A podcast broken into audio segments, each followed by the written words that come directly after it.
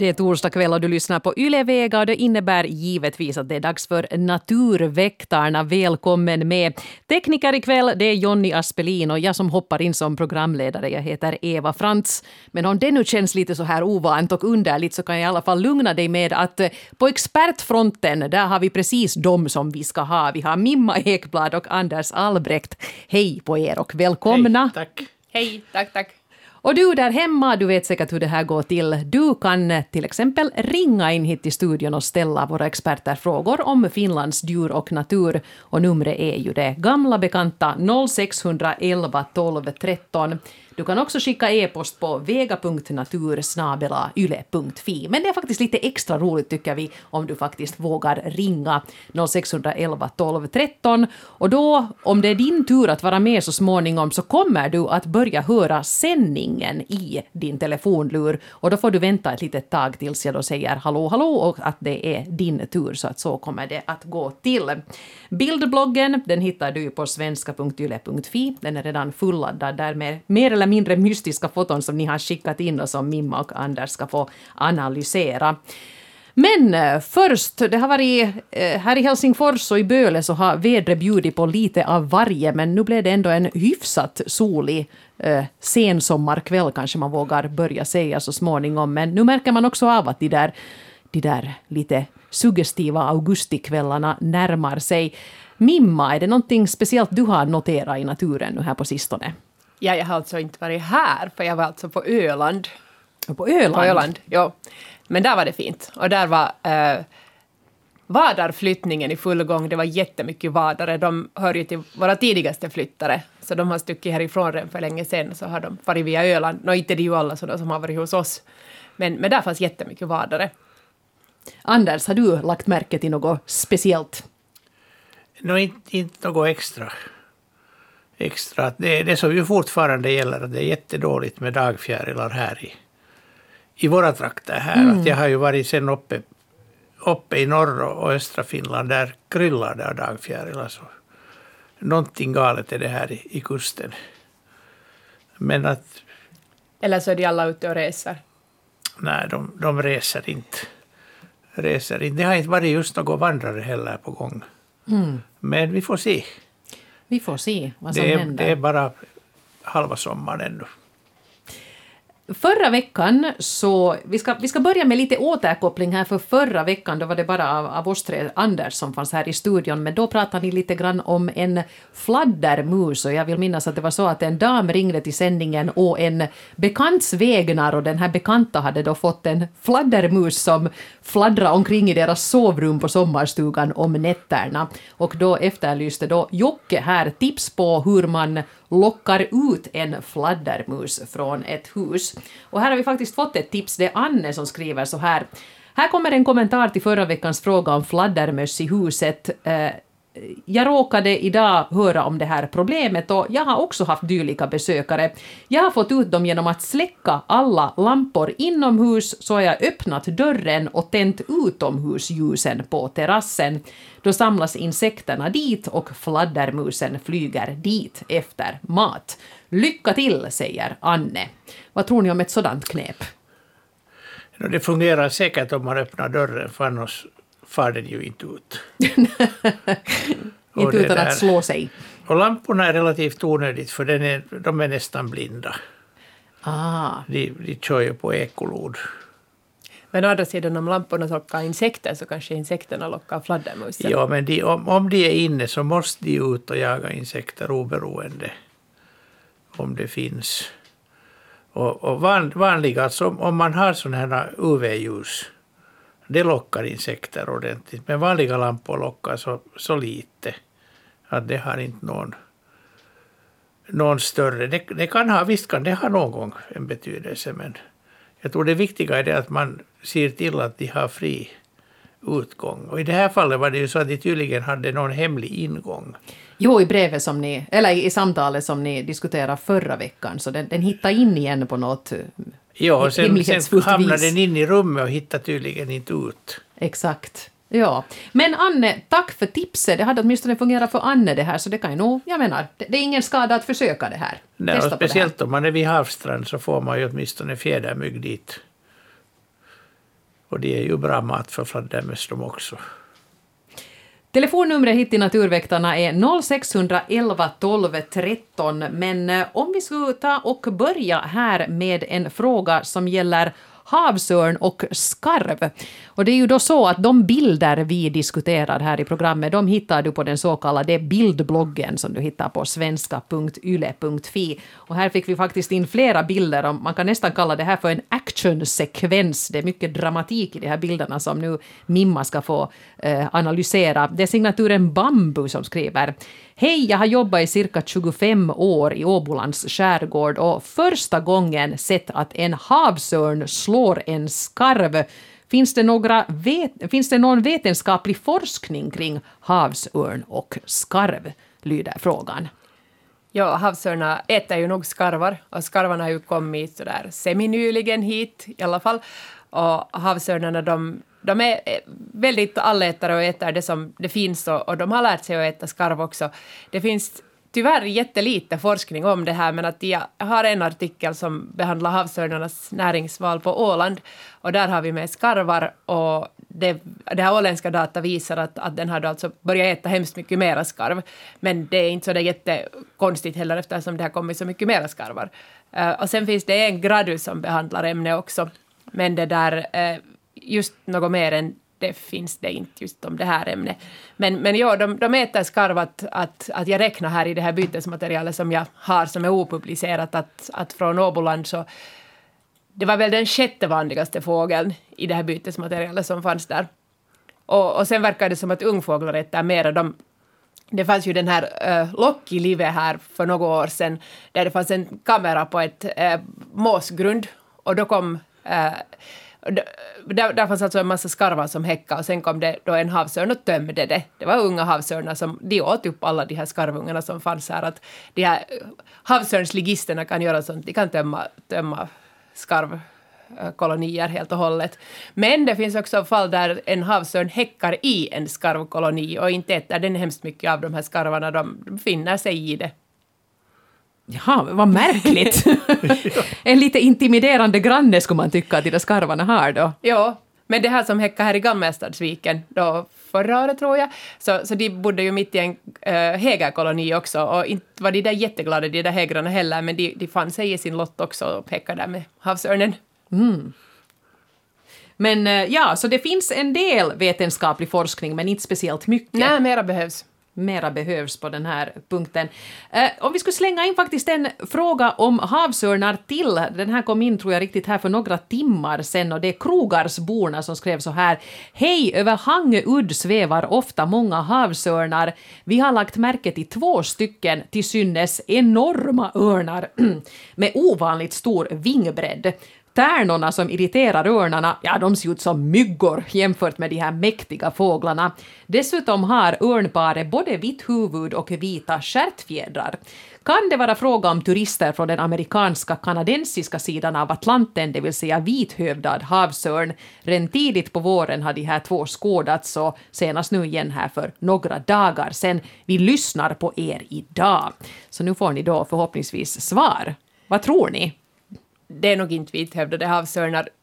De, ungfåglar är jättemörka, men de här gamla havsörnarna så de får ljusare och ljusare huvud allt som tiden går. De är ju inte vita på samma sätt som, som man är stjärten som är så lysvit. Men, men man ser liksom, det är inte, eh, den vithövdade havsörnen har ett jättetydligt vitt huvud, att det är stor skarp gränsen mellan nacken och huvudet, men, men de här våra havsörnar så de får liksom mer sådär guldfärgat huvud och, och sen går det sakta över till sådär lite äh, brunare men, men stora är de. Mm, men så, så vad är det de har sett? Ett gammalt fint havsörnspar. Med vita huvuden och, och vita stjärtfjädrar. No, sådär ljusa ja. huvuden och, och, och vita stjärtfjädrar. och ja. enormt stora tyckte du. No, ståtliga är de ju fast de är lokalbefolkning, vad ska ja, vi säga. Det är de. Inte desto mer exotiskt. Uh, 0600 11 12 13 är numret för dig som är modig nog att vara med och ställa din fråga så här i direktsändning här i programmet. Men vi har gått, här bara formligen rasslar in frågor i e-posten noterar jag också. Om vi skulle ta och prata lite grann om en insekt här emellan och här har vi fått in en bild på en Ja, nu har jag ju den liksom utskriven här i svartvitt, men jag vill minnas att den hade ståtligt nästan citrongula ben på bilden. Och det var Mikaela som hade skrivit så här. Jag undrar vad jag hade för en insekt inne på min glasveranda den 19 i sjunde. Den här insekten var cirka 4 centimeter lång och jag har aldrig sett en liknande förut. Jag bor i Västanfjärd på Chimitoön och det skulle vara intressant att veta vad det här var för ett kryp. Tack på förhand. Jo, jo det, är ju, det är ju ett verkligt spännande kryp. Det här det är en av våra största insekter. Den heter storhornstekel. Och det är faktiskt i vissa delar av, av östra Finland så kallar de den för herhiläinen. Som egentligen är bålgeting. Jaha, Men där är det den här, när de talar om herhiläinen så det är den här. Det är sådär som vojkukka som, som inte smörblomma. Ja. Och det där, och all, alla skogshuggare känner den här. För att den, den lever i barr ved som larv. Och honan lägger ägg i något skadat ställe av, av stammen. Ofta, ofta är det granar där det av någon anledning läcker ut kåda. Okej.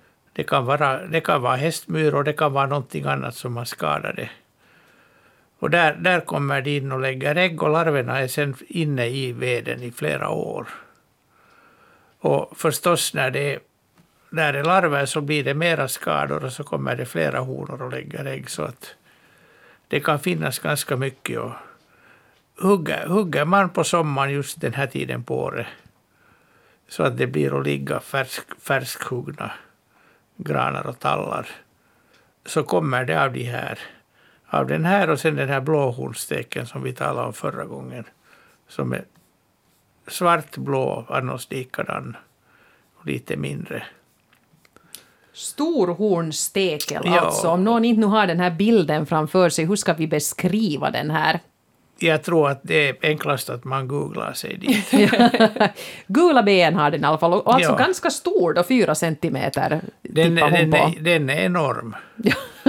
Jo, fyra Ja. centimeter i insektvärlden, det är mycket. Det är mycket det. Okej. Och Och de är bre, breder man ut vingarna så kommer man ju upp till nästan åtta centimeter. Ja. De, de är snabba med att komma också. Vi hade en gång, vi, vi höll på att skuffa någonting och så skadade vi i misstag då liksom ett träd långt nere. Ja. Och, och det var inte, det var inte, det var under en halvtimme så hade vi den där där. Det är för om de råkar flyga då så Ja, så kommer de. Kommer de och de, de, de är faktiskt, alltså de hör till, bland, till de här växtsteklarna. De har inte den här getingmidjan. Utan de är jämntjocka och de är, de är alla vegetarianer. Och de här.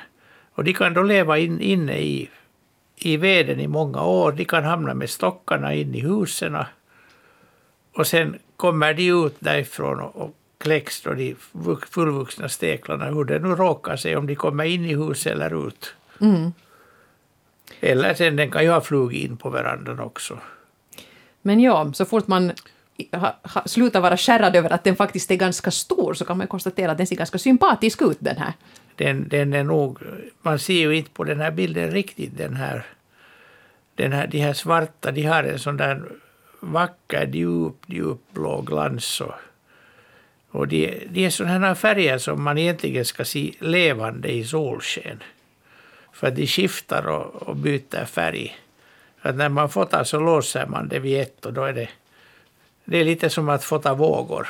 Ja, Man får inte det där blänket med. nej det blir inte riktigt lika fint på bild.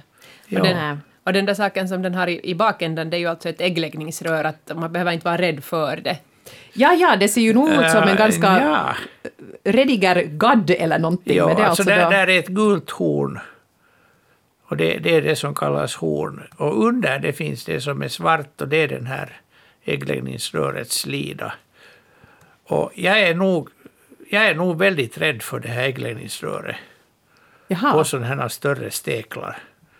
För att det, det, är som, det är som en stilett, en, en tandad vass och en sån här kommandokniv ungefär med dubbelt blad.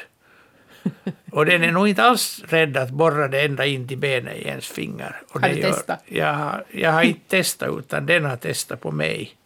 Och det gör nog så ont. oj då. Så att Gå inte nära då. Man behöver inte gå nära, det kommer aldrig på. Men gå inte och ta in och slut den i, i näven. Oj, putti, putti, ah! Nej, det ska man kanske inte. Nej. Även om jag tyckte den Så såg så det- sympatisk ut så ska jag hålla mig på avstånd. Och Det samma undrar gäller de här större parasitsteklarna också med sitt lång, långa tunna äggläggningsrör. Så de är inte alls rädda att borra in det i, i folk. Och det gör ont det. Och, Men, Men där fick i alla fall Mikaela svar på frågan. Det var alltså en stor hornstekel hon hade tagit en bild av på sin glasveranda. Och då tror jag faktiskt att vi har ett samtal. Jag säger hallå, hallå, här är Naturväktarna. Vem har vi där? Hej, hej, det här är Torbjörn Sirén. Nå, hej, Torbjörn.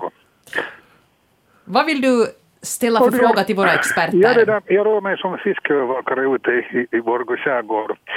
Borgå Sibbo skärgård. Jag har gjort det ett tiotals år. Och det där har ju till förskräckelse sett den enorma ökningen av antalet skarvar.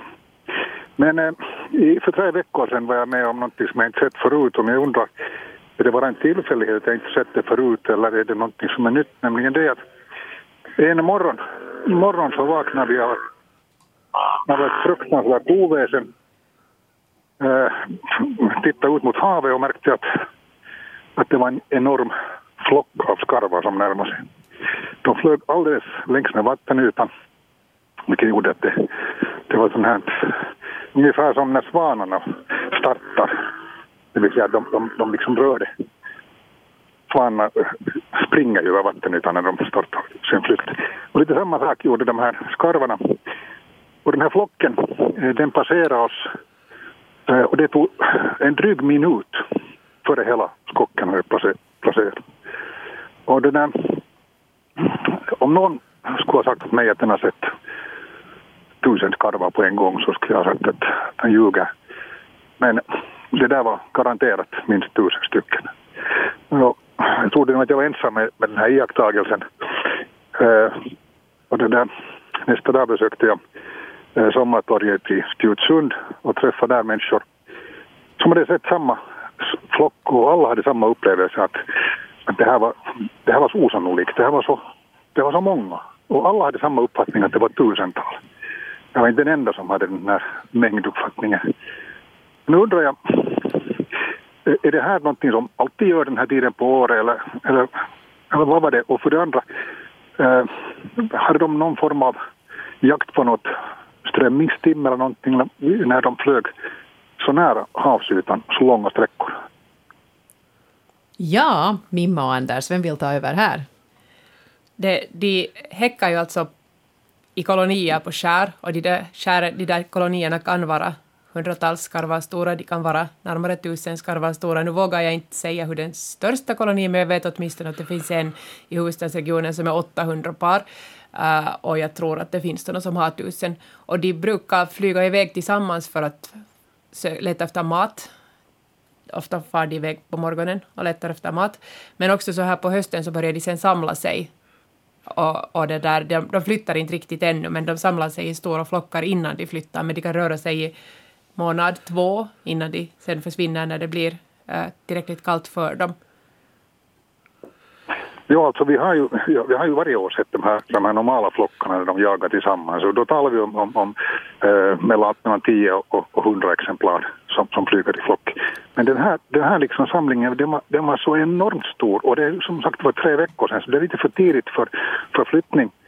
Och, och, och det, kändes, det kändes så märkligt. Eh, såg du förresten, hade de, var, de, var de helsvarta eller hade de vitt också sådär på magen? Så den där flocken var ju så, den var så tät så att, så att det där, man kunde knappt urskilja liksom enskilda fåglar i den, i den där skocken. Att börja, någon, någon färgskillnad noterade jag inte utan att mm, jag var så pass chockerad över, över den, här, den, här enorma flocken. Alltså det var en Hitchcocks, Hitchcocks upplevelse av det hela. Direkt skrämmande. Att, att, att, vad, vad, är liksom, vad, vad är det här? Jag menar, en enskild skarv är ju en vacker fågel men, men det, det är långt ifrån vackert att se dem sådana här mängder. Speciellt när jag ju, ju ser effekterna av deras närvaro. Jag tror att din idé om att de, var, att de hade hittat ett fiskstim kan stämma. Det låter som om vi Det, det låter mycket, mycket sannolikt, ja. ett stort fiskstim. Alltså, ja, alltså den här, den här eh, linjen de, de flög längs, det är alltså eh, det är en farled, en djup farled eh, som utgör gränsen mellan ytterskär och innerskär. Så att, så att det där, och där är alltså en, en förkastningsspricka. Så det betyder att där är, där är det där, när vattnet har för tre veckor sedan skedde ju den här, den här frontförändringen så vi fick det här höga, det här höga vattenståndet. Eh, det skedde just i samma veva som, som detta. Vilket betyder att antagligen så var strömningen där i det där, i det där faret, i den där förkastningssprickan också väldigt stark. Och det här kan ju naturligtvis leda till att vi har en strömning, strömningsspricka som har rört sig då, eh, med det här kallare vattnet som, som då rörde sig där nere. Men, men det där, det, det men den här mängden och den här tiden på året så vi har ju, vi har ju åtta stycken kolonier i, i, i Borgovattnet. Och de är ju visst, det största, det största har nästan 400, 400 häckande par men, men, men kan då liksom alla ha ungefär samlat sig på ett, ett och samma flock så det, det, det känns så osannolikt. De är ganska långt ifrån varandra de här kolonierna. Om det är 400 häckande par så blir det sammanlagt 800 skarvar och om de sen hade en unge per par Unga till så är det ju tusen. så är det tusen. Ja. Ja. Det kan ha varit hela kolonin som har hittat De, till ett for, de ställe. for alla, ja. Någon hade hört Ja. bara att det fanns en strömming där. Ja. Ja, ryktet hade gått. Ja, så det måste ha varit en kanske lite otäck men säkert ändå ganska mäktig observation du gjorde där. Ja, alltså, jag, jag skulle inte vilja använda ordet mäktig för att jag, jag nästan ser mardrömmar av det hela. Det var, det var, det var, det var rätt obehagligt. Ja. Den där skocken, en svart, svart massa av, av, av väldigt ljudliga fåglar. Ja, Sedan en, en kommentar till den här till den här fladdermusgrejen, det här om att, att, att vanligt ljus inte samlar insekter. Så vad är det då för, alltså är det, är det, är det myggor ute i skärgården eller vad är det som, vi har i Malmö fint myggor, vi, vi har stuga uppe högt på ett, på ett berg som, som där det alltid blåser. Men, men vi har lampor som ibland är tända på natten, sådana lyktformade eh, lampor och, och det där, jag tömde, jag bytte, bytte lampa där nyss och tömde ut var två deciliter döda insekter från den där från den lampan. Den, den har inte brunnit många nätter. Det, det, det är fjädermygg. Är det fjädermygg? Okej. Och de, och de kommer in i miljoner. De, de kan ju, vara, de kan ju ha så stora svärmar att folk ringer, ringer till brandkåren för att säga att det är skogsbrand på holmarna. Okej. Det, okej. har, jag- det har jag själv hört på Åland i, i den här kustradion. Ja, nej, jag var förvånad över att du liksom på, på, någon, på, på några, efter några nätter liksom alldeles full den där lukten. Jo, jo de, de, de kommer i enorma mängder. En, en ganska Ja. kort tid. Den, den börjar komma den värsta tiden i augusti. Ja, just det.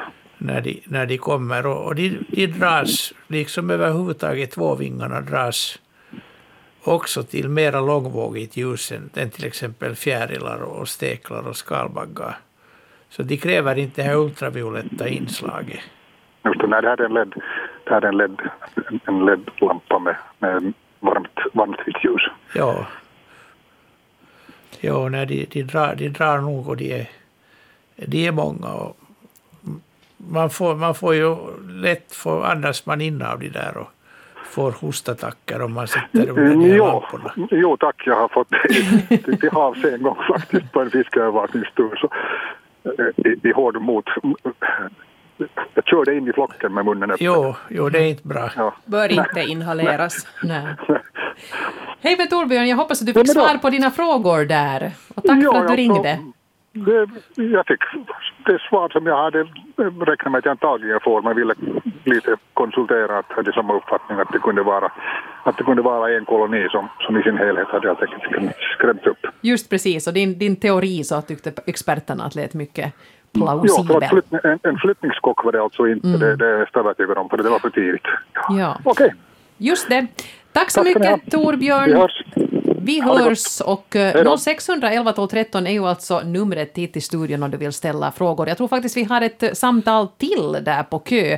Vi ska se. Hallå, hallå, naturväktarna här. Vem har vi där?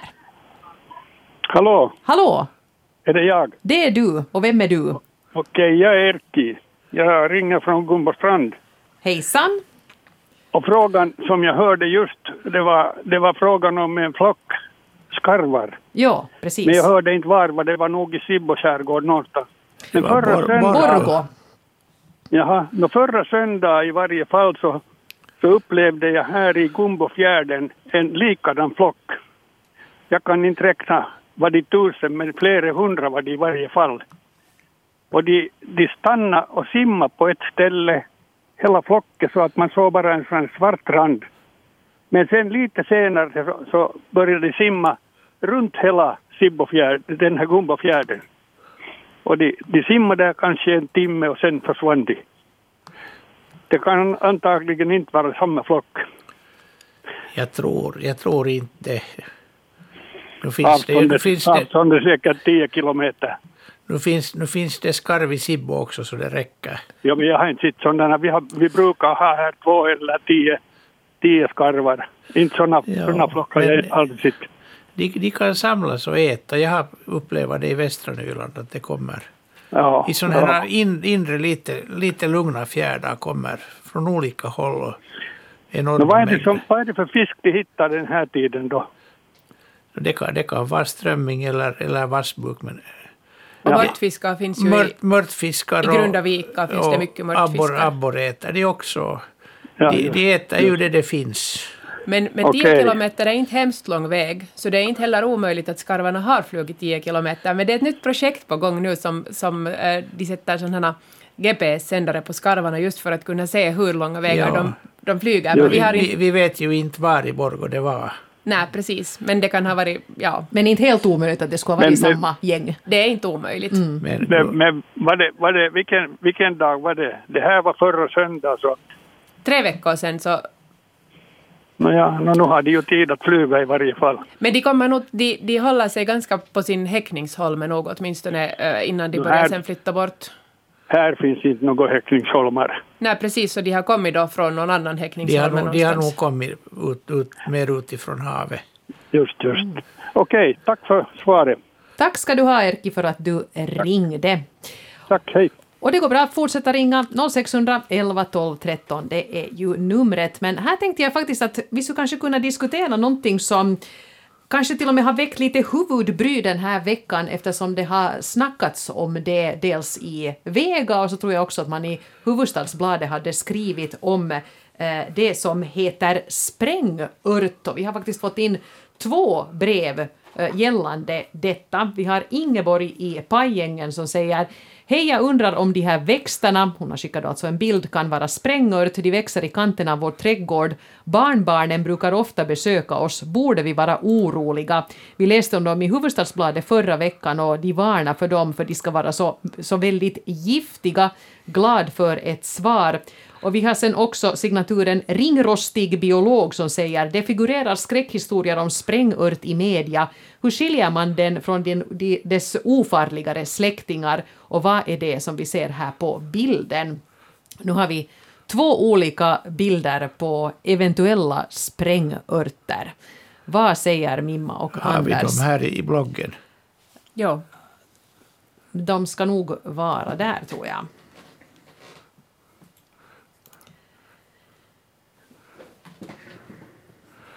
Ah, de här, ja, just Ja. det. Det är Len, Lena som har skickat dem. Ja, vi har Ingeborg och så har vi Lena. Så två olika bilder, de är där bredvid varandra i bildblocken. Vi ska se, ja. Ja, alltså det här, det här är... Det här är skogspipa. En, en vanlig icke-giftig växt. Den finns överallt, både, både i fuktigare och torrare. Vanligen i frisk, friska ängar.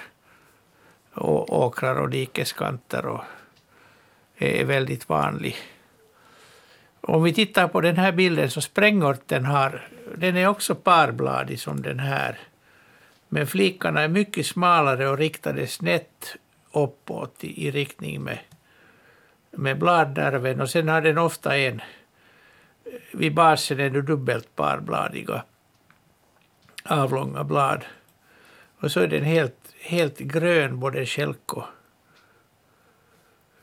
skälk och, och, blad. Den kan vara lite rödaktig ner till. Och blommorna är inte, inte sådana de här små flockarna är inte sådana klotformade, utan de är flata, liksom hundflokans. Så den, den ser helt annorlunda ut nu. Den, den liknar egentligen inte någon av sina släktingar hos oss. Och vill man ännu, ännu bli säker så gräver man upp roten. Den har en sån här tjock korvliknande jordstam som inuti är ihålig och har, innehåller en sån här oljig gulaktig vätska. Men då ska man ha handskar på sig. Om man misstänker sprängört. Gärna nog, ja, ja. Man ska inte suga på den där saften för det, det är det mest koncentrerade giftet vi hittar i den. Och nu var den bilden alltså som vi tittar på, var det eh, Lenas eller... Det var Det, det Lenas. var Lenas bild här då. Så hade också Ingeborg skickat in en bild, men det är då tydligen inte heller sprängört. Jo, nej, aha, jag, jag, jag räknar inte alls med den för att det, det är någonting helt annat. Det här är en, en, en vänderot, alltså en valeriana. Inte alls en, en flockblommig växt och den har ju inte den har ju inte flocklik blomställning fast den ser lite så ut men att det är inte, inte samma sak. Men den här bladformen på den här påminner faktiskt mer om sprängört än den andra. Men den här, den här räknar jag med att den här tar man nog inte fel på normalt. Och man ska ju inte äta den här heller. Om man inte är katt då lär man bli alldeles vild. Men i- jag måste ju säga att inte brukar jag nu hemskt ofta få drabbas av en sådant enormt sug att tugga på en hundfloka heller, så inte vet jag nu varför man skulle gå och börja gnaga på, på de här växterna. Och de, och de här, de här vä- vänderötterna de är ju väldigt vanliga både havsstränder och, och trädgårdar och, och överallt. Och de antingen är de rent vita eller så är de rosa. Rosa blommor. Men de, de är då som sagt inte alls flockblomstriga. De har inte den där ihåliga kälken heller. Och, så att de, de blandar man inte. Och blom, blomman på, på vänderoten är helt annorlunda. Den är sån här mera påminner lite om en, om en Linnea-blomma. Medan de här flockblomstriga har en sån här flat med, med nektarn helt öppen. En sån här typisk flugpollinerad växt. Men äm, där kan alltså både Lena och Ingeborg vara helt lugna att det var nog inte sprängörter de hade på, Nej. på sina gårdar. Men vad säger ni nu om, om denna sprängört? Den blev liksom lite på tapeten nu här för att eh, jag tror att det var så att det hade vuxit sprängört på en badstrand i, i Borgotrakten någonstans så man höll på att försöka ta bort den där då, då blev det en nyhet av det här. Men hur bekymrad ska man vara över den här sprängörten? Just om man är orolig att barnbarnen ska komma i närheten av en Nej, sprängört inte- eller så här. Det är det enda tillfälle jag vet att någon, någon har fått skada. Så det var när vi som pojkar lekte och en av, en av kompisarna gjorde ett blåsrör av den här. Oj, oj. Och då blir man grå i halva ansiktet. Och, och det, det var inte alls trevligt. Nej. Men jag, jag tror inte man gör det nu för tiden. Folk vill nog köpa sina blåsrör av plast. Och, Får man sälja blåsrör av plast? För man får ju inte mera sälja rör av plast. Och I det här fallet så föredrar vi då plast framom sprängört. ja, men det, Ja. det här det är inte sugrör. Det här är inte engångsgrejor. Ja, det är flergångsgrejer. Det- det- Ja. Det, men ja, Men om nu folk blir liksom lite uppskrämda Ja. av det här ja sprängört... alltså sprängörten växer nästan alltid i vatten. Just det, så att om man har det liksom långt upp på torra land vid stugknuten så är det antagligen något Då är det annat. inte, eller sen, sen har väcken framför stugan torkat ut. Mm. Men att den, är, den är just på stenar mitt i bäckar och, och vid, vid stränder. Så att den, är, den var farlig då när man hade korna på strandbete. Just det. För att de, de kunde inte akta sig för den här av någon anledning. Så de åt. De, de klarar ju en massa andra gi- giftväxter. Till exempel de här ranunklerna äter inte korna. Och andra, men de här sprängörten så hände det att korna åt och, och dog. Men den har alltså funnits här alltid? Och, Den och har funnits inte, alltid. Den har inte förändrats någonting. Och- Och den är, den är vanlig. Sådana här badstränder vid sötvatten så man kan räkna att går man lite utanför det här sandområdet, lite i de här sumpmarkerna, så hittar man den. Om man nu då konstaterar att man till exempel har vid sin strand sprängört och, och vill bli av med den, har ni några sådana råd hur man ska agera då? Om man tar gummihandskar på sig och går och, och tar bort den. Jag tycker bara att det är synd. Mm, mm. Den är jättenättväxt och, och, och inte, inte den är ju farlig. Nej, nu har vi liljekonvaljer i trädgården också. Mm. Jo, och en massa andra giftiga växter. Och, och, vi har ju bilar stående på gårdarna. och de kommer körande in och de, de om något är ju livsfarliga. De först är farliga, det är helt sant, ja. I alla fall. Så att en, en, en sån här växt är inte någonting att vara rädd Men det är klart, man ska ju lära sina barn att inte stoppa vad som helst i munnen. Det, det hör ju till grund. Mm. Men det tror jag alla föräldrar vet. Mm. Och så hemskt smarrig ser den ju faktiskt inte ut. att, att jag tycker att det ska Nej, vara så det, att den det, lockar. det är annat med, med tibast och sådana som har lockande röda bär. Just det, ja. Då kan det vara lite svårare att påminna. Ja, Och till och med liljekonvaljerna. Ja, men de, de smakar uppenbarligen illa. ja. Mm. ja men de, de är nog giftiga också. Men jag, i alla fall, jag har inte hört om något fall att någon skulle ha blivit sjuk. Så identifiera gärna sprängörten så att du kan kanske respektera den, men annars Jo, så tycker vis- naturväktarna att den låt den vara. Visa den åt, åt barn och, och släktingar och att se men inte röra. Precis. Och på de här bilderna i bildbloggen var det alltså fråga om helt andra saker. Det var vänderot och eh, skogspipa som Ja. det var frågan om i, i, i de fallen. Vi ska uppdatera förstås bildtexterna i bildbloggen, men eftersom det är jag som ska göra detta och jag är väldigt orutinerad med allt detta så får ni ha lite tålamod. Jag ska försöka ordna det här efter sändningen.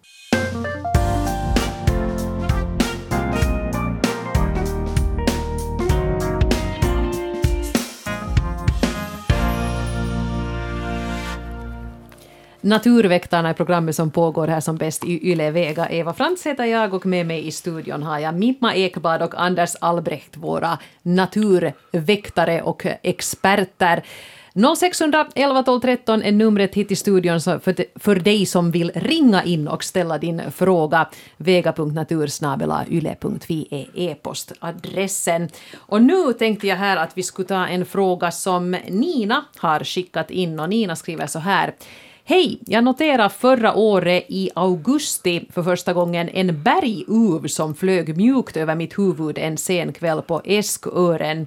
Eh, jag störde troligtvis dess jakt. Vi har öppnat landskapet och skapat öppna områden för gräs och vilda blommor mellan klipporna. I år har vi hört hoanden och upprepade gånger med en kikare observerat ett ståtligt berguvspar med de kännspaka örontofsarna eh, dagstid på holmen Kalkskär mitt emot oss. De sitter på och bredvid den stora stenen som havsörnen eller havsörnarna alltid sitter på när de plockar åt sig ådskrak och svärta ungar i viken nedanför. Det är ett ledsamt skådespel. Det känns nytt och ovant med ett berguvspar, så min fråga gäller Håller uvarna på att etablera sig i skärgården? Vi bevittnade också en strid mellan havsörnen och, mellan havsörnen och uven och då var det havsörnen som måste ge sig. Jag har förstått att berguven främst äter harar och sorkar som det kryllar av, men finns det nu en risk att den också ger sig på sjöfågelungar? Det skulle vara intressant att höra om andra observationer i Nago, Nago ytterskärgård också. Och det var Nina som frågade detta. Ja, Mimma, vad säger du? Det kom många frågor. Här kom många, ja, var ska vi riktigt börja? Vi, vi, vi börjar med berguven. Som namnet säger så tycker jag den om berg. Och den, finns, den, den är egentligen en skogsfågel och den trivs på berg och, och, och, och klippkanter och sånt. Men som vi alla vet efter Bubodi här som har flyttat in till städerna så, så kan byggnader också se ut lite som berg. Och, och då har berguvarna börjat flytta hitåt. Men, Berguven förekommer också i skärgården men den har gått tillbaka jättemycket. Den är, den är rätt så hotad nu för tiden. Nu minns jag inte riktigt vad den har för hotkategori men den är, den är, den är, den är kraftigt hotad i alla fall så det är jättebra om det har kommit berguvar. Men, men de, har, de, har, de, de finns sparsamt i skärgården och det är jätteroligt om det har flyttat ett, ett berguvspar dit. Jag var, förra året såg jag i ytterskärgården på Åland en berguv som då helt tydligt bodde på den här ena ön. Uh, jag är inte jätteinsatt i berguvarnas näringsval men de äter de äter då alltså, alltså små däggdjur och, och, fåglar nog också. Men jag tänker att de kanske inte är så bra på att jaga så här över havet så att åtminstone tror jag inte att de tar fågelungar från vattenytan. Men det vågar jag inte lova att de inte gör. Men att i första hand så tar de nog sorkar om det finns mycket sork. Och sen om, om de här frågeställarna har, har, har öppnat upp marker och sånt så är det ju liksom ett eldorado för de här sorkarna så, så det kommer säkert... Jag tror att berguven hellre jagar där. Mm. Och tydligen hade de också sett att berguven och en havsörn kom ihop sig och det var det havsörnen som fick ge sig i den fighten. Ja, det var ju också lite tufft det. Ja. Uh, ja. Det var, det var alla frågorna tror jag i den här. Precis, det, det, det, var väl det om någon vill haka på och, och har sett berguvar i Nagu ytterskärgård så får man gärna skriva till vega.natursnabelayle.fi och berätta det så kan vi återkomma. Men i Ålands ytterskärgård har jag sett berguv. Just precis. Och, och, och, faktiskt så läste jag om ett projekt på Skansen där de, där de håller på att försöka etablera eller få till, transplantera äh, berguvar i Stockholms skärgård men jag vet inte hur det har gått med det projektet. Men åtminstone så, så ägnar de sig åt att försöka få berguvar i Stockholms skärgård. Precis. Där hoppas jag att Nina fick svar på sina frågor och nu tror jag att vi har en lyssnare på tråden. Hallå, hallå, här är Naturväktarna. Vem har vi där? Ja, hej, det här är Rasmus Forsman. Rasmus, hejsan. Hej, jag ringer från Vallvik i Korsholm. Och jag har en sån här fråga det är så här i, i, i, i vårt garage här har vi ett sånt här um, jag ska säga, öpp, öppning då för, för cyklar och, och lite sånt. Mm. Och så hade, hade ett um, uh, grå flugsnappare kom jag fram till att det var par byggt ett bo där. Och de fick ägg och de kläcktes och de matade sina fåglar sina fågelungar flitigt. Och, och, och, så var jag här i, häromkvällen och kikade lite hur det är med de där ungarna, hur stora de har blivit. För, för jag kikade för någon vecka sedan så var de ju pyttesmå. Och så, så, det här, um, så sträckte jag fram kameran för att ta en bild av dem. Och så blir de skrämda och så flyger de iväg, de här ungarna. Och eh, så flög de ut och, och jag såg att, eller när jag märkte att den här ena föräldern blev jätteirriterad på mig, för den försöker anfalla mig några gånger. Väldigt nog försiktigt, den vände nog, vände nog fort. Men i alla fall. Och jag fick ju lite dåligt samvete av det där att jag, att jag eh, jagade iväg de där fågelungarna. Och nu är min fråga den då att uh, gjorde jag bort mig rejält? Kommer de att överleva, de där ungarna? Hur mycket för tidigt blev de flydda? Och uh, ja... Okej, ja, Mimma, varsågod. uh, svaret, ja, du gjorde bort dig. Det, egentligen är det förbjudet att gå och fota fågelungar på det där sättet vi bor. De, är, att... de, de är på min mark. Jo, men fåglar, man ska inte störa fåglar när de häckar och jag vet att, att man vill ju göra det för man vill ju gå och titta på dem men man ska inte gå dit med en kamera så att man på riktigt stör dem. Att det är liksom sen, göm dig i buskarna och försök, försök få den där bilden. Men flugsnappare är inte länge i boet. Att, att jag kollade för säkerhets skull här på Luontoportti och det står att de är i boet 10 till 16 dygn. Så att om de har varit små för en vecka sedan så är de, de 28 dagar gamla kanske, så att, så att det är inte så där jättemycket för tidigt som de då har jag tror, hoppat ut. Jag tror nog de måste vara... Vi ska se nu. Hur många, vad sa du, hur många dagar? 10 till 16 dygn står det på Luontoportti. Just det, 10 till 16. Men nu ska jag säga att de gott och väl har varit över en vecka. Ja, så, så det där, hemskt mycket för små har de inte varit. Så att uh, det, föräldrarna skulle nog gärna ha haft dem där ännu och jag hoppas att de kan ta sig tillbaka dit men, men de, de har nog chans att klara sig. Just så, no, men det är, ju, det är ju det viktigaste. Jag sa nog de sen få in här i något träd och, och, och, och, och det här äh, flög där mellan grenarna. Men sen dess har jag inte sett till dem. Kanske de flög någon annanstans sen då. Vi, vi hoppas det gick bra och att du ska inte ha så hemskt dåligt samvete. Du, du, du låter så skamsen. Nej, men det var nog jätte, jätte... Jag fick nog jättedåligt samvete faktiskt. ja. Ja, ja, man, Men- man ska inte gå dit med kameran alldeles på någons bo, nej. Det ska man inte. Nej, nej, precis. Det. Men hur är det... Hur är det? Å andra sidan så bevittnar jag ju någonting unikt då fåglarna flyger iväg för första gången. För jag misstänker att det var första gången de flög iväg. Men man ska inte forcera sånt. Nej, men det får man ju inte förstås. Det var ju inte meningen heller.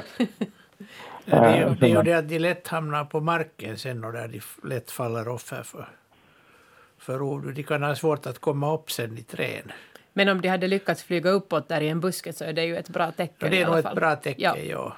Ja, ja, jag tänkte just det hur pass, hur pass om de inte är tillräckligt utvecklade, men att, att som sagt de flög, de flög ju iväg med samma, ingen föll på, ingen föll på golvet där i det där utrymmet där, där de då har sitt bo, utan de flög, två flög iväg med samma ut och en, en får upp på en, på en bräda som är under, under taket.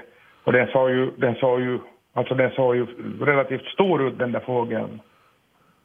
De, att- de, de har nog bra chanser att klara sig. Jag tror också. Föräldrarna hittar dem nog vart de än far. Ja, hur är det med, hur är det med sånt alltså? Hur, hur mycket hänger familjen ihop då genast efter att de har lämnat boet? Många fåglar matar sina ungar ännu efter att de har flugit ut ur boet sen där längs marken och längs grenarna ännu, vad ska vi säga, no, de här är så, de är så snabba så att någon vecka kanske. Ja, de är, man, man hör på ljuden nog. De är, flugsnapparna är väldigt ljudliga sen när ungarna flyger ut. Ja, just det, just det. Ja, ja, de har haft mycket djur här då jag har gått igenom. Jag måste gå där för jag har ett förråd och ett snickarbord där bredvid. Så jag har alltid lite hukat mig då jag har kommit där. Så de har nog låtit höra av sig, de där föräldrarna, ju. Jag har varit där hela tiden. Det är bra att låtsas att man inte ser dem. Ja, ja, det är bäst det. Ja. Nej, Jag nej, jag ser inte dig. Nej, nej, Jag det är helt lugnt. jag skulle vilja bli kaveri med dem. Ah, tyvärr. jag tänker om de kommer hit nästa år kanske vi har bättre förhållanden. no, de brukar vänja sig sen. Ja, precis det. Just det, just det. Ja, ja, men då får jag sova gott i natten då. Ja, Gör det, ja. Rasmus, eh, ja, naturväktarna tror att de nog klarar sig, men, men, men gör inte om det. Nej. Nej, det inte.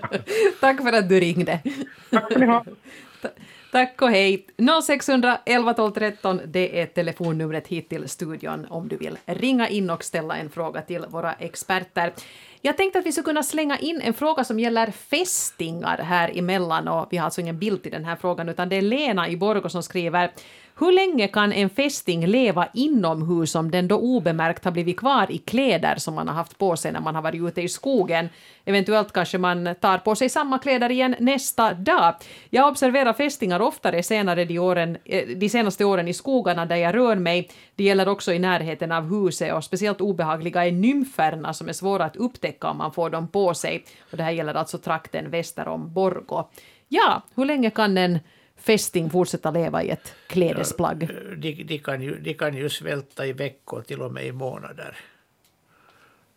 Mm. Vilket, vilket de gör i naturen mellan, mellan målen. Det kan vara jättelånga tider. Och, så att de kan, nog, de kan nog bo där i kläderna länge. Men tror du de hålls där? För jag tror att de gärna vill gå bort därifrån, så jag tänker att de antagligen söker sig någon annanstans. Och de, de kliver nog omkring där och de, är- de är så länge de är. Finns det någon skillnad med klädesplaggen då? Vad är ett sånt plagg som en fästing tycker att är riktigt Ja, mysigt? det, och här det är någon, någon sån här blodfylld kofta tror jag. Vampyrer bör akta Någon, sig. och Lady Gaga. ja. Nej, men jag, jag, jag tror inte det är något reellt problem det här. Det, jag menar, de, det kan hända, men lättare får man dem ute i gräset nog än, än ur klädskåpet. Och när jag har sett, när jag har varit ute då så har de kommit någonstans där de inte trivs jättebra, så går de omkring och försöker hitta någonstans där de De, vill vara. de söker sig till, till rätt ställe, men att inne i ett hus så har de inga sådana ställen. Men de försöker antagligen röra sig någonstans. Så springer de omkring tills Ja. de hittar en människa. Men kanske det är lite sådär som att man har fästingkoll på sina barn när man har varit ute i skogen, att man har lite fästingkoll på sina kläder. Det De kan som man ha, Om man har ja. tänkt ha dem Ja. nästa dag igen. Ja, man kan också tvätta dem. Eller skaka av dem. Då det, det är ren, men att de sitter ju nog ganska hårt sen om de sitter. Jag menar, deras klor är Ja. sådana att de håller nog. Precis. Ja. Så ja, där kan de vara kvar nog nästa dag om man tar på sig samma ljuvliga, lurviga tröja en De, gång de till. kan vara, ja. Men inte, inte skulle jag gå och vara rädd för det. Nej. Nej, okej. Eh, vi har ett samtal. Hallå, här är Naturväktarna. Vem har vi på tråden? Ja, vi har Uffe Heimberg på tråden. Ja, hejsan Uffe. Vad är Eh, din det- fråga? Ja, min fråga egentligen, det var en, en episod för, för en vecka sedan. Jag brukar cykla mycket i, på Hangeudder, stora skogar och, och det där. Inte är jag rädd för att cykla på de där skogarna, sällan möter man någon. Men nu var det på andra sidan, på andra sidan Jennabyviken, så var det åt fyra tiden så kom jag på en, kom jag cyklande. Och eh, 150 meter rakt framför mig så kom det en stor svart älg ut på vägen. Och den parkerar sig nedanför vägen. Och, och det här, den märkte mig. Jag närmade mig med cykeln. Och eh, eh, den tittade på mig, alltså det var, då när, jag, då när, jag bara, när den gick över vägen så det var det, då hade ungefär 150 meter till älgen. Och den här den kom ner från skogen, stannade vid vägen och så tittade den på mig som, som kommer då körandes rakt mot den. Den gick ner på ängen som är den där för och, och den tittade på mig hela tiden och när jag var i höjd med älgen en stor svart älg med, med horn så böjer den, börjar, börjar den ner sina horn och liksom ska, är på väg upp på, på vägen emot mig. Och då var det liksom goda råd var dyra och jag tänkte att med min mountainbike så kommer jag inte undan den där älgen för man cyklar inte så hårt med dem. Och det där så tänkte jag att måste jag hoppa in i skogen. Men det där löste sig ganska fort. Den vände sig tillbaka och gick ut på ängen men gjorde ingenting. Den bara stod och tittade. Så att det där var en sån här hot, hot, hotfull situation. Så då kan jag ju... Och det där... Då är ju frågan så här att är älgarna... Vad trodde den att jag var för en figur? Ett hot mot dem eller vad? Markerade den någonting? Att så här var det. Att, att, eh, ändå har jag cyklat ganska mycket i skog och mark och så här så, så det är så inte har jag nu först stött på någonting som skulle ha varit så här hotfullt som det här inte. Ja, Vad säger, vad säger naturväktarna om detta? Vad, vad, vad var det den tänkte riktigt? No, no, älgar är ju de är stora och de, eh, de är ju inte... De vill oss inte illa, men de kan se oss som ett hot, så man ska nog vara försiktig med dem, man ska inte gå för nära dem i onödan. Och, och skulle jag se en älgtjur på nära håll så skulle jag definitivt hålla mig undan från den. Jag har ett par gånger varit i skogen så att jag har, måste komma ganska nära älgarna och det, det känns alltid lite, lite kusligt. Men de, de har ju alltså brunsttid nu så den, den var alltså antagligen helt jättekåt och den ville egentligen då hitta en hona åt sig och, och, och, och sådär som, som de är sen i augusti så är den helt Äh, den har annat att tänka på. Den, den har hemskt mycket hormoner som far omkring överallt och den, den kan vara ganska oberäknelig. Så just den här tiden så, så den, den, den, den, den gick helt enkelt på högvarv. Ja, jag, kan, jag, jag, funderar också på, på lite samma sak och, och så tänkte jag närmast på min klädsel för att jag har en svart, eh, jag hade en svart cykelhjälm, jag har en svart cykelrock, svarta, svarta cykelbyxor och svarta glasögon på en, på en mountainbike som, som, som vad heter det, och kommer lågt, lågt susande. Att tog den mig som någonting annat än, än, än, än, än vad den tog. Det, det återstår ju men att, att det, det är ju kanske det är ju kanske bäst att, att, att, att, i framledet så att säga då att, att stanna upp och, och skrika till och, och, och inte försöka närma sig den för att inte vet Ja, jag stunden, stunden var så snabb, stunden var så snabb och, och det där att, att eh, jag tänkte att det här blir ju en intressant att jag kommer ganska nära den men att den rör inte ju på sig inte. Tvärtom, den markerar bara med, med honorna ner och, och det här var ju det som det var det kusliga när den tog några steg upp på vägen och, och då, då började pedalerna gå. Det, det lönar sig inte att skrika. Då, snarare så, så, så stanna och, och, och visa att du är inte farlig. Bara, bara håll kvar och, och, och titta kanske åt andra hållet och, och, och sådär demonstrativt låtsas att, att du inte märker den eller att, att du nog åtminstone inte tänker hota den med någonting. Ja, jag, har- jag har blivit anfallen av, av älg. Av, av älgtjur och den, jag, jag var då ensam i skogen och jag hade en fjärilshov med mig. Och den, den kom från 50 meters håll rusade med full fart rakt på. Jösses. Och jag lyfte upp hoven då och viftade framför och den vände en tre meter framför mig. Och, Okej. bort, och så kom den ännu två gånger på nytt och gjorde samma sak. Ja, ja. Och sen, sen gav den sig iväg och jag har nog aldrig varit så rädd som då. Det var, det- var det ingenting jag. att göra. De är ju faktiskt Några vid, videbuskar att kliva upp i. Beväpna dig med en fjärilshov. En Det, det funkar åtminstone den gången. det, det fungerar. Den, den blev rädd för det där viftet, helt tydligt. Just det. Men du, du, eller, eller kanske du skrek också, men det, det var Nej, jag inte skrek nödvändigt. inte. Jag var Nej. för rädd för att skrika. Men det, Precis. det är liksom då, sen då kanske om den kommer på så kan man fundera på att skrika, men att man ska, om man är 150 meter ifrån den så då ska man nog låta den gå och inte skrika i onödan. Nej. Jo, nej, Jag man, man ska, man ska låtsas som om att man inte sitter. berättelse eftersom, som jag som sagt, så, så jag cyklar ganska mycket i, i, i den här fiskar stora skogarna och, och här är det ju liksom ypperligt och jag, jag har faktiskt sett en lo på, på också på en 100-150 meter och men den, den passerar nog ganska så kvickt när den, när den fick syn på mig. Men det där, det, det är en lärdom det här men det var en intressant lärdom att vi är inte ensamma här på, på, på, i våra skogarna, på skog och mark när man rör sig. Så, så att jag jag, jag tackar för svaret och, och det där och, och, och, och medveten om att, att man ska ta det försiktigt i framtiden om man ser älgar. Men passa på att njuta av det, för de är ju nog ståtliga. Ja, Ja, absolut, den var stor. Den var stor, den var jättestor. Jag, jag kan inte där eftersom inte någon jägare, men att den hade ju stora horn hade den så att jo, nu, nu när det, det blir augusti och älgflugetider så, så kan älgarna vara väldigt irriterade när de har hundratals, kanske tusentals älgflugor på sig. Så de, de, jag har varit, varit Tvärminnet zoologiska station rörde sig en sån här älg och de hamnade att skjuta den för att den gav sig på alla som kom i närheten. Oj då. Mm. Oj. Så Att- ja. jag, har, jag har sett en älghud också som har de här och det var tätt, tätt, tätt, tätt med, med små hål som, som förstör det här ledret. Det går inte att sälja mera. Så det var en spännande upplevelse det där, men det slutar ju lyckligt för både Uffe och älgen. Så att, Ja, jag cyklar fortsättningsvis, men, men, men tack så mycket. hej.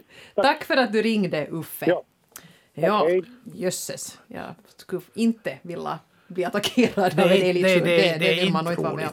Jag har någon gång när jag varit ute och joggat så har jag sprungit på en, en betydligt mindre älg och jag menar de, också kalvarna är ju ganska stora så att när man inte är Jo. förberedd på det så blir man nog ganska till mig, till sig med det här. Och kalvarna måste man ju vara försiktig med, för de har en mamma någonstans. Och den, Precis. Eller var det här kanske en sån som just hade blivit lämnad av, av mamma? Den var ändå ganska stor så jag vet inte. Ja, men om den hade stora horn. Nej, det hade den inte. Nej, Jag men tyckte han sa den Ja, den här, Men- jag pratar om, om min, min, Ja, din, min din älg. älg. Ja. min, min älgupplevelse. Eh, vi har ett samtal till, tror jag. Hallå, Naturväktarna här. Vem har vi på tråden? Ja, är det jag nu som får prata då? Nå, nu är det nog du. Och vem ja, är det du? här är Mikael från Tenala det. Nå, hejsan Mikael. Också Vad från vill, vad vill Tenala, men du från ställa andra för sidan fråga? Hjälmarbyviken. Ja. ja, vad är andra sidan? Men det är så, vi kör ju förbi Hjälmarbyvik när vi får in till Ekenäs.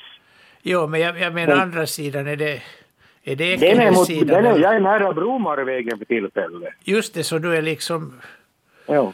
liksom på nordvästra sidan? Nå, mera mot nord ju, om Ja. vi säger så. Jo. Nu fick vi den man- saken utredd. Ja. Nå, ja, men nu vet vi var vi är geografiskt. Ja, Ja, Men jag det är tänkte bra. fråga en sån sak jag. Här har varit Cedersärla och jag har ju sålt mitt hus åt min son redan 2017. Men här var redan före tio år åtminstone för jag sålde. Så är det Cedersärla som har boa under åskaklet. För jag har inte de här stängningarna i gavlarna. Men är det samma sädesärla som kommer år efter år eller kommer barnen dit och börjar bo- husera? Eller hur fungerar det där? va? Nu vet jag inte hur gammal en cd kan bli, men den, Nej, jag vet inte heller, men jag är bara förvånad för de är alla år här och föder ungar och kommer. no, alltså, åtminstone ett par år har det varit samma fågel, för nu blir de nu åtminstone några år gamla. Det blir det. Ja, men kommer då arvingarna hit? då? Nå, om, de, om de hittar ett bra ställe nära där så kan det ju bra vara att de, att de, att de kommer dit i tredje och fjärde led. Om, om det här är bästa stället i trakten så, så vill ju alla dit. Ja. Under åskaklen. Jo, nej, det, det är bra ställe. Vad sa du? Bra ställe. Vilken färg är det på taket? Svart och nu har det kommit mycket mosse på det med så jag måste Så tvätta det- det, nu. det- Men jag det kan funderar, bli ganska- kan jag ta upp det där åskaklen också när jag gör den tvättningen då? Så det kan, det kan bli ganska hett för dem där inne. Jo, men där har de ju huserat nu i Ja, 15-20 år. tydligen är det genomdrag då så att de har det bra i alla Jo, fall. jo, ventilation finns nog där. Jo, hur bra Ja. som helst. Ja. Jo, det måste ju vara i ett kakeltak. Jo. Jag, jag, bygger, det- jag bygger också. Jo, nej, jag, jag, jag tycker de, de får gärna vara där. Ja, nej, men jag för tänkte min del. Ja, berätta vad... nu, nu hittar jag här lite om åldern på en sädesärla och, och det är någon som har haft ett samma sädesärlepar som, har- som har alltså i 17 år bott på samma ställe i samma bo. 17 Har de, år. har, har de ringmärkt det? Ja, uppenbarligen. Det är ju längre Ja, än vad de flesta äktenskap håller, sådär mänskliga. No, ja. Det här har ju varit någon gång som det har varit någon katt som har tagit men jag tror nog att det är fågelungarna sen som har flugit ut därifrån. Det är kanske föräldrarna. Nej, nu är de ju här och hoppar på ännu. Men ska man låta dem vara fortsättningsvis och bara städa det där boet som de har varit i för jag ska tvätta kakeltaket när det kommer så mycket mossa på det. Vad ska man? Jag, jag tycker du låter det vara. Jag tycker det, trev, det är trevligt det där och det är ju... Mm. Ja, men kan jag öppna och se på det för jag ska borde tvätta åskaklarna med? Jo, sen när de har flugit ut. Jo, jo, sen Jo. har de varit ute. Jo, det, det kan man nog lugnt göra. Har de två kullar eller en kull? De, de kan ha flera kullar. Just det. No, men det är det jag lite anar att de har på gång sig igen ännu lite. Så det kan Mm. vara bra att vänta till hösten. Jo, jo, no, men så har jag hört tidigare hon säger i naturväktaren Ja. sen när det börjar överfalla. Just det. Nej, men då vet jag ju för att det har nog varit så där jag tänkte år efter år på samma plats. Ja. Det måste vara bra miljö. No, Ja. det, det verkar ju onekligen så, att de trivs. Ja. ja. Ja.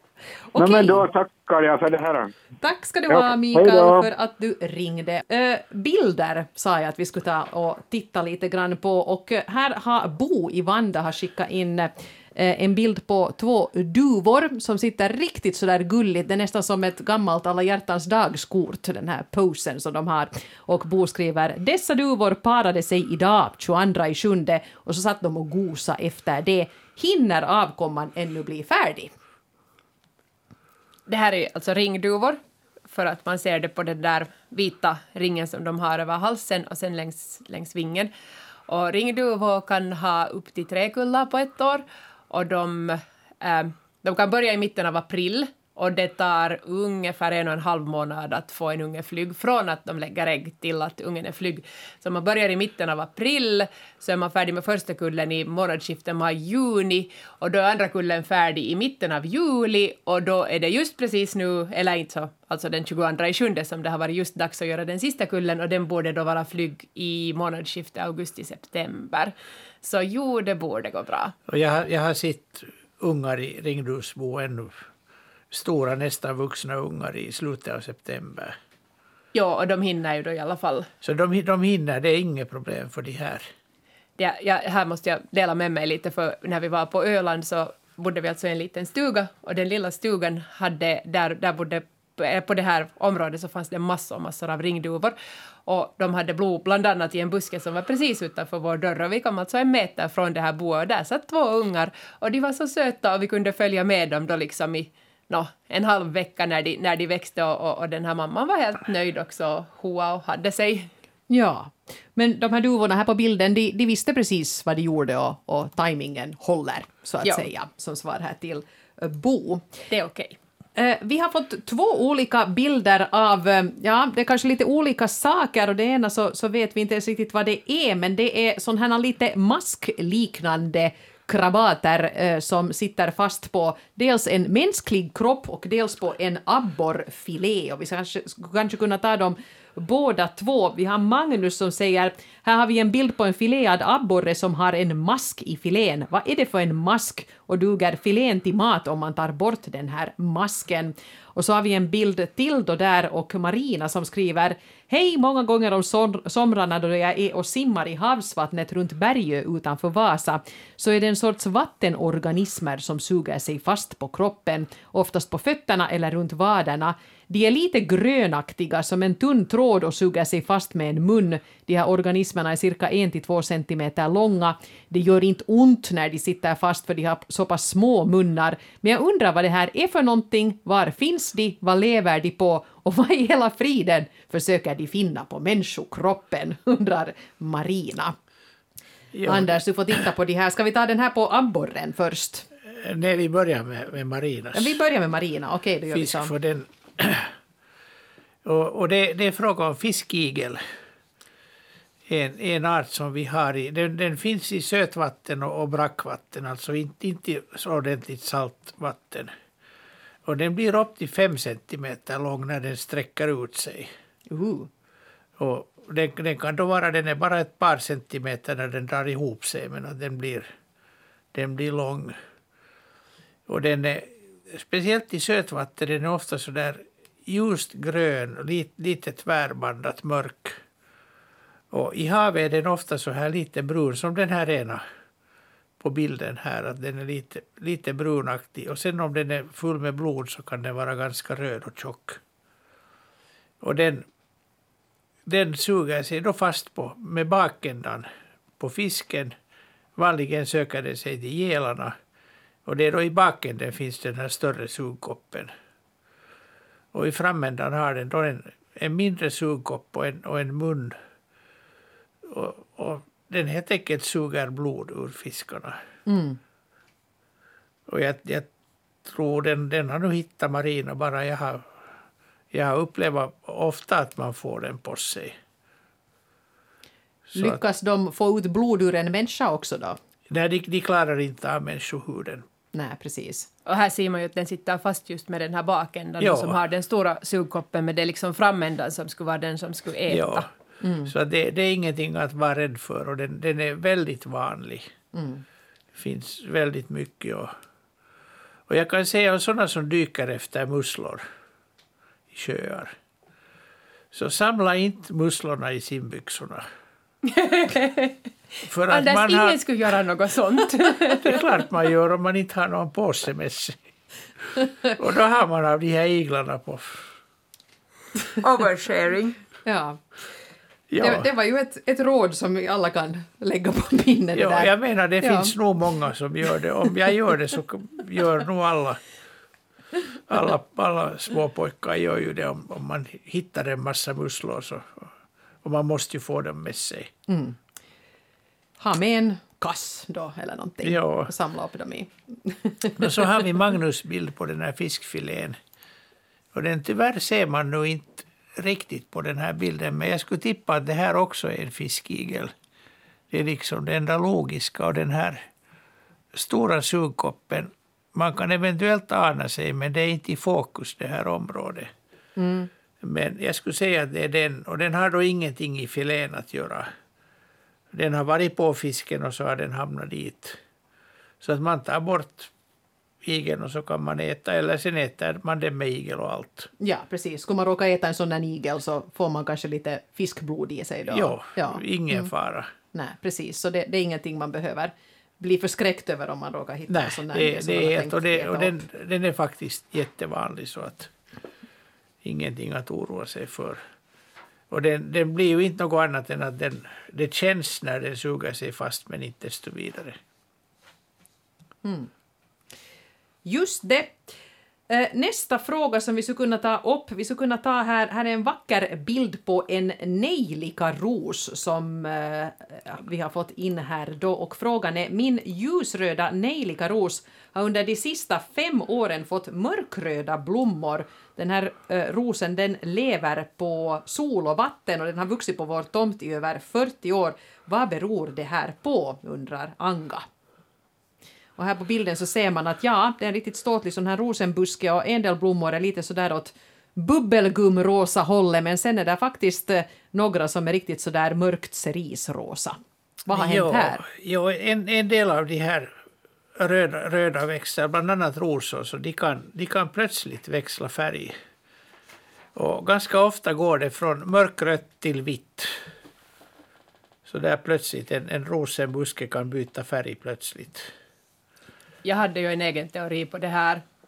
Vad Aha, det beror på. Det, var, det, var, det var det här med knyttet och skruttet för att, för att när knyttet la sin, sitt brev under, under rosenbusken så blev den vita rosens nej, ja, blommor plötsligt röda. Så att det kan vara ett Okej. knytt som har varit och lagt ett, Det kan, ett det kan, vara, det kan vara ett knytt, men, men uppe, uppenbarligen är det fråga om, om en eller flera gener som kan kopplas på eller av beroende på några yttre faktorer. Mm. Men alltså en sån här ros kan stå där och ha en färg i 40 år och sen mitt i allt ändra sig och, Ja. och testa någonting nytt. Och, och de kan uppenbarligen göra det också liksom grenvis. Att det behöver inte vara hela busken. Just det. Ja. Tjusig buske är det fast det kanske näst, nästan lite ännu Ja. finare nu när det blev flera Ja, färger. det, detsamma ser man hos, till exempel hos duntraven ibland. Att plötsligt blir en del av ett bestånd vitt sådär av ett trollslag. Mm. Eh, vi har fått ett brev här av Erik som skriver att jag har två stora tallar som har dött nu i våras på vårt sommarställe i skärgården. De här tallarna ligger nära stranden och bredvid sig har de flertalet andra träd, också flera tallar. Skillnaden är att jag under de senaste åren har stjälpt blåstång från havet just där nära var just de här två tallarna står. Kan det här ha bidragit till att tallarna har dött? Vad säger ni om det? Det var en kvistig fråga. Det är ju så att tallen har ju inga rothår, den kan inte suga upp vatten själv. Utan den är beroende av svamp. Svamp, och den har då mykorrhiza, alltså svamprot, där det är svampen som suger vattnet ur jorden och ger åt trädet och trädet ger istället socker åt svampen. Och jag tror inte tallen är känslig för den här blåstången, men jag undrar hur det är med svamp om det kommer mycket. Mycket. Det ökar ju salthalten och det ökar jodhalten och jag vet inte vad som. Det, är- det är faktiskt möjligt att det är tången som har tagit livet av tallarna. Oj då, ja. Eller Men- tagit livet av svampen och då har tallen dött. Det har ju varit rätt torrt också så det kan ju vara en slump. Ja, Eller så kan det vara en kombination. det kan vara en kombination också. De har fått liksom allt sitt vatten genomsilat genom den här tångbädden så, så blir det för mycket av det goda. Så det är inte omöjligt att Det är inte att det, är det omöjligt. som har hänt här. Men, Men sen igen, potatis ska ju gärna växa i tång. Ja, men potatis är nog en helt annan växt. Och den har ingen mykorrhiza. Så att... Ja, det, finns, det finns ju många växter som tål det här utan vidare. Att en massa havsstrandsväxter kräver ju tångvallar nästan. Och, och så där. Men tallen hör nog inte till dem. Nej, det bruk, den växer ju inte hemskt nära stranden annars heller. Nej, men det, dör, det har nog dött de här senaste åren med de här torrperioderna så har det dött nog åtskilliga tallar, i, speciellt i skärgården. Just där det har varit torrt. Ja, Ja. Men det kanske lite med tanke på att det också fanns andra tallar där i närheten och att de ännu mådde bra, men att just de här nära blåstångsstället, så de har dött. Vi kan inte Så det- utesluta. Nej, Nej, nej, det, vi kan- det, vi det är möjligt, inte. så, så Erik, det kan hända att din teori faktiskt stämmer där, att det är det som skulle ha hänt. Här har vi en bild som eh, eh Sussi på Hamnholmen i Rosala-Kimitoön har skickat och skriver att vi tror att en svan har råkat illa ut. Kvar finns bara dessa två benbitar och en massa utspridda vita fjädrar. Vem har varit i farten och var är resten av fågeln? Benen var cirka fem meter från stranden bakom täta buskar så den har knappast flutit i land. Har ni bilden där framför er? Det, det är ju en lite problematisk bild eftersom den inte har eh, någon storlek. Nej, just det, här är ingen tändsticksask eller någonting sånt här som man skulle kunna är få ingen, en ingenting som vi kan... indikation av. Mm. Där, är, där är några allöv kanske. Och om det där faktiskt är allöv så vad ska vi säga att ett tal över 5 centimeter, så då kan det bra vara en svan. Men på något sätt ser de liksom små ut, de där fjädrarna. Men alldeles helvita fjädrar, så att till exempel måsarna har ju grått och svart på sina fjädrar också, att, att eftersom den är så där helvit så, så, så om storleken då funkar som svan, en svanfjäder ska då vara, vad ska vi säga, um, 30 centimeter kanske. Nu, en, en vingpenna är nog 30 mera kanske. Precis, ja. Så om den är så stor, så då är det en svan. Men om den är mindre, så, så till exempel så hade vi ju då för två veckor sedan den här, den här Jörgens brevduva, så en hel vit duva kan det vara, som har fått sig uh, och, och det att, äh, då, då, kan det ju vara vem som helst som har varit och ätit upp den, men är det en svan så är det knappast någon som har dödat den, utan den, den, den kan ha dött i en revirstrid eller blivit gammal eller blivit sjuk eller fått fågelinfluensa. Eller så kan den ha råkat ut för en rev, men då ska den nog vara ganska försvagad redan från början. Men sen det att, att man hittar bara delar av den är ganska vanligt för att uh, då har då kommit en mårdhund eller en rev eller någonting, någonting smått och burit iväg med en del av den. Ja, men det är... Jag skulle säga att vi kan nog inte säga med säkerhet någonting, men det kan vara svan. Mm. Det är möjligt, men det kan också vara någonting annat med vita fjädrar. Förstås bra påminnelse det här om att kanske försöka lägga med när man fotar någonting som... Har man nu ett måttband till hands eller någonting annat som, Nå som lite man kan är... jämföra. Ja. En tumme. En tumme, ja. de kan ju också vara ganska olika det kan De kan vara förstås. ganska olika, men, mm. men någon nyckel eller någonting som är Ja. ganska... Eller något, något känn, kända sedlar eller någonting. Inte någon tusen euros sedel. Ja. någon som folk har sett. Det är som folk brukar gå omkring med en tusen euros sedel. Ja, Det är det. Ja. men ett, ett, Ja. där... Och Ett, musslor i simbyxorna och vad man nu har med sig. ett, ett kreditkort eller något liknande, de, Ja. de är väldigt lika. Och det här är inte nu naturväktarna som försöker ta reda på vad du har för nummer på ditt kreditkort, utan det, bibliotekskortet går också riktigt, riktigt bra. Man kan retuschera bort nummer från bilden Man får sen. göra det. Eh, Lisbeth har, en, har varit med om detta. Lisbeth skriver, hej, hos oss går en igelkott som vi matar med kattmat. Hur mycket kan man ge? En påse 100 gram. Men sen till det underliga. Igår sprang den som vanligt omkring här på vår bakgård. Sen fick, fick grannens hund syn på den genom staketet och skällde på den. Då gömde igelkotten sig för en stund, sen började den gå omkring igen och då bet den mig i ankeln. Hur vanligt är det att igelkottar biter? Blev den stressad av hunden och kan man få några sjukdomar via bettet som inte nu gick helt genom huden? Jag har inte hört att någon blir biten av en igelkott, så att åtminstone är det inte jättevanligt. Och det här med, det här med sjukdomar ska jag, går jag inte att uttala mig alls. Jag, jag vet ingenting om igelkottarnas smittospridning. nej. Och har det inte gått igenom så är det knappast stor risk att man har fått någonting, men att det kan ju löna sig att konsultera en läkare. Speciellt om man får symptom. Då, då måste man ju. Ja. Men, men jag, tror att jag, jag tror att du har helt rätt i att den, den blev stressad av den där hunden. Men att det, det låter tragikomiskt det här med att den springer omkring och sen biter den en människa i foten. Det vågar sig inte ge sig på hunden som Den ger blev så på. om sig och kring sig så att Ja. den, den visste inte riktigt vad den gjorde. Men vad säger ni om det här med kattmat som igelkottsmat? Det, det går säkert. Det, det hör väl till det mest strängt kontrollerade ma- mat man kan få. så vill man matta sina igelkottar så är kattmat säkert bra, men det lönar sig kanske inte att ge obegränsade mängder åt dem. Det, det är nog inte, den är nog inte planerad för igelkottsmage. Och sen vet man inte att kanske det, det är så gott att, det, att de inte kan sluta äta. Jo, Om de har tittat på reklamen så... men det här är Yles kanaler, så vi får inte... Det, Ja. vi, det, vi får inte göra reklam Nej. för något Men, men ger man märke. 100 gram kattmat åt en igelkott, är det, är det för mycket då eller, eller eh, Jag tror att det är för mycket. Det, Ja. Egentligen behöver man inte mata igelkottar, de hittar mat själv, men att vill man locka dit dem så kan man ge lite mat då och då, men, Mm. att, men att överdosera inte kattmat. nej. Men, men vatten ska man väl gärna ge Jo, det får man igelkottar om gärna det är Det får man ge, ja. Och lövhögar.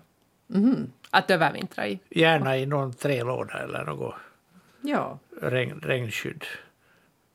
Man kan fylla, fylla en trälåda, en, en rejäl trälåda med, med löv och göra någon lämplig öppning så, så har man en igelkottsholk. Vad mysigt. Eh, jo, men eh, var nu lite uppmärksam på det där bettet, Lisbeth, för där, där visste inte experterna riktigt råd eftersom det här tycks vara en mycket ovanlig företeelse. Men jag hoppas att Lisbeth fick svar på sina frågor här. Eh, vi skulle kunna ta här en bildfråga till. Här har vi en insekt av något slag som sitter på ett grönt blad. Och det är Anjärd som har skickat in den här bilden och säger Hej, den här hittar vi i Oslo. Jag har försökt leta på nätet för att komma på vad den heter, men förgäves. Så jag skulle vara tacksam om vi kunde få svar på det här här i Naturväktarna. Ja, det, det är en av våra, våra största skinnbaggar faktiskt. Den heter rödbent bärfis. Och det, det är en som har, som har svarat på klimatuppvärmningen mycket positivt. Jaha, Den, en, ännu på 80-talet så hittar man den bara på Åland och i, i skärgårdshavet. Och sen på 90-talet brukar- började den dyka upp här vid Nylands kuster. Och, och numera är den vanlig ända upp i halva, halva Finland. Den har kommit liksom på, på 20 år. Den och många andra har, har tagit, är, är över halva Finland på det, under de här senaste åren. så en rödbent bärfis alltså. Ja, hur det, hur det är med, med utbredningen i Norge, det vet jag inte. Men att den, den kräver inte mycket, den är rovdjur.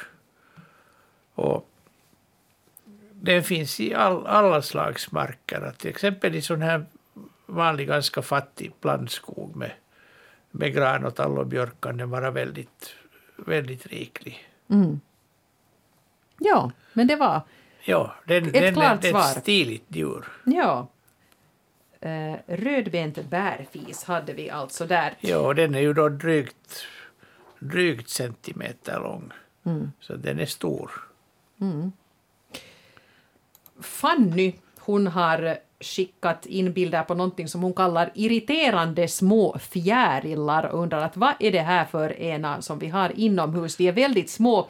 Den största är max en centimeter på längden och ljusbrunt i färgen. Och det är andra året i rad som vi får dem inomhus just under juli månad. På dagen kan man hitta enstaka mellan panelerna på väggen eller taket och på kvällarna vaknar det upp tiotals som sen flyger omkring i huset. De trivs också i klädlådor och skåp, men jag har inte åtminstone ännu hittat hål på kläderna. På morgnarna kan man också hitta dem på handdukar eller lakan som har varit upphängda och när man dödar dem blir de till brunt pulver. Hur får man bort dem eller hur kan man förebygga dem? Eh, det här, är, det här året är de betydligt fler än förra året och jag skulle vilja bli kvitt dem, skriver Fanny. Ja, det, det här kan vara mal. Det passar bra, men att de är, de är slitna. All, all, all ving, vingstruktur är borta och dessutom ligger de på... Den andra ligger på rygg här. På bilden, Och, ja. och just, just nu flyger det otaliga arter av, av malar och, och liknande småfjärilar. Det finns flera, flera småfjärilsfamiljer med samma kännetecken. Så att de flyger ute och de kommer också in. Så att vi kan, vi kan inte säga desto vidare. Och jag skulle säga nästan att vi, vi skulle gärna vilja ha då exemplar av de här att titta på. För att bli, bli säkra på vad det är. Precis. vi, vi, vi säger ingenting. Den, den, helt enkelt, vi ser inte tillräckligt. Nej. Men om hon börjar få hål på sina kläder så är saken Ja, ganska då, klar också. Klädesmal är det i alla fall inte. Är det inte? Okej, Nej. då, det, var inte, då behöver hon inte skydda sina, sina dyraste Den här kashmirtröjor. färgen, det, det kan vara pälsmal eller det kan vara en... Det kan vara malar som lever i, i mörken ved eller i myrbon eller i, i svamp eller i vad som helst. Ja. Så det, det är för många möjligheter. Eh, jo, så, så ett, ett riktigt klart svar kan Fanny inte få nu här eftersom det är lite svårt att på basis av de här bilderna bestämma vad det är frågan om. Um, nu ska vi se, några bilder ska vi ännu kanske hinna, eller åtminstone nu en ska vi kanske hinna uh, analysera här. Uh, vi ska se Hasse här, han skriver vad kan den här fågeln heta som har erövrat min stege? Bilden är lite otydlig men den föreställer alltså två ungar som andas. Modern hon skäller när vi äh, av nödtvång måste passera. Hon sitter då i en tall invid och det är ett ampert chi som den här modern äh, släpper ur sig. Och här har vi en bild och vi ser här en röd stugvägg och så ser vi nog någon sorts Eh, fåglar som ligger där. Eh, lite otydligt kanske, men, men kanske våra experter kan se vad det här är för någonting. Ja, jag är inte så hemskt bra på fågelungar, men, men sådana spräckliga fågelungar som kan vara till exempel flugsnappare. Och det där, eh, det här svartvita flugsnapparen bygger nästan alltid bo i en holk eller i ett hål. Men den grå flugsnapparen den kan bygga liksom lite var som helst sådana bon. Och den, den ska dessutom fodra dem med just lava och sånt och eftersom den här bilden så, så ser man att här finns också lava så min eminenta gissning är grå flugsnappare. Ja, det, det köper jag nog. Det köper jag nog fast man, man egentligen inte ser det men att jag håller med dig. Att det är det sannolika. Ja, ja. Och, och den där fågeln är ju ganska liten, den är grå och tittar man noga på den så det där, den har en hemskt smal näbb. Uh, googla grå flugsnappare och se om, om det stämmer in på föräldern. Och de är, de är väldigt högljudda. Ett ampert chi. Ett ampert chi, ja, exakt. Underbar beskrivning tycker jag. Riktigt hör mig framför mig. Eh, jag tittar här in i eh, vår inbox och ser att Patrik han hakar på det här gällande eh, tallar och blåstång. För han skriver att vi har i 20 år nu samlat upp tång och blåstång och byggt upp en platå kring tallar och andra träd i närheten av strand. Och de träden lever och mår bra. Så här som en kommentar då till det, det, brev som gällde. Det var, det var Erik som undrade att hade han tagit livet av två tallar genom att stjälpa blåstång för nära dem. Det beror på vart, vart saften rinner. Just det. Att om, om vi har en tall som tar sin näring längre ifrån så, så har det ingen betydelse. Just det. Eh, ska vi kanske hinna med en bild här ännu? Eh, Eva eh, har skrivit vad heter den här växten? Vi har här en bild av eh, någon form av kvist med gröna blad som ligger på en träyta, ser det ut som, och ett rött bär har vi där också. Den här kvisten kommer från ett träd eller en buske som är smäcker och cirka två, två meter hög. Den växer på Lumparns norra strand på Åland cirka tio meter från stranden och har funnits där i tiotals år. Vad är det här? Jag tycker det ser ut som brakved. Det tycker jag också. Och den är ju också giftig. Jaha, okej. Okay. Ät inte. Men inte farlig. Nej. Giftig men, men inte farlig? Man ska ja, inte äta den? Ja. Okay. Mm. Bäret blir ju svart sen när det mognar. Just det. Mm. Men att annars så det... det jag, jag tror nog att det är den. Ja. Det, det, det är någonting som inte riktigt stämmer men jag tror att det är det att den bilden bara ger, ger fel uppfattning om dens... Liksom bladytan ser för matt ut. Men jag fick nog också brakvedsvibbar av den. Ja, då, då, är det, då är det nog bra. Så brakved var alltså svaret på frågan där.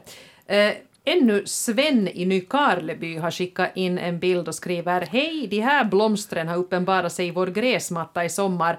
Vad är det för blommor? Och här ser vi på bilden här i gräsmattan att det är sådana små runda gula blommor som eh, är ganska så här nära, nära marken, alltså sådana här marktäckaraktiga saker. Ja, det, det, är en, det är en odlad växt men att den förvildas väldigt ofta. Den heter penningblad och, och har sådana här kryp, krypande, krypande skälkar med parbladiga runda blad och sådana här blommor. Och, och de, här, de här kan bilda ett tätt bestånd om man har lite sämre klippt gräsmatta, att man har en äng eller någonting. Sen när man slår den så plötsligt blommar den gult. Men det är nästan lite sådär som en belöning för att man har varit dålig på att klippa gräset, för jag tycker de här är hemskt vackra. Den är väldigt fin. Ja. Och, de, och vi har faktiskt sådana här också, nu erkänner jag ju att vi har klippt gräset lite slarvigt, för vi har sådana här hemma. Och jag tycker de är jätte, jättefina, jag hoppas att de skulle sprida sig ännu mera. För De att gör, är hemskt de gör det nog. Ja, Gör det nog, men man, man måste se till att de är, har lite skugga. ja, Och precis. det har de ju om man låter gräset bli lite längre.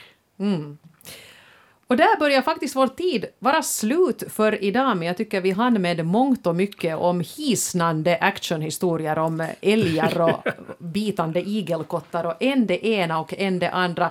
Stort tack till Mimma Ekblad och Anders Albrecht, våra experter här i Naturväktarna ikväll. Nästa vecka då är Jocke Lax tillbaka, så då är allt i sin ordning. Eva Frantz heter jag och det är Jonny Aspelin som skötte tekniken här ikväll. Tack för att du lyssnade och vi hörs.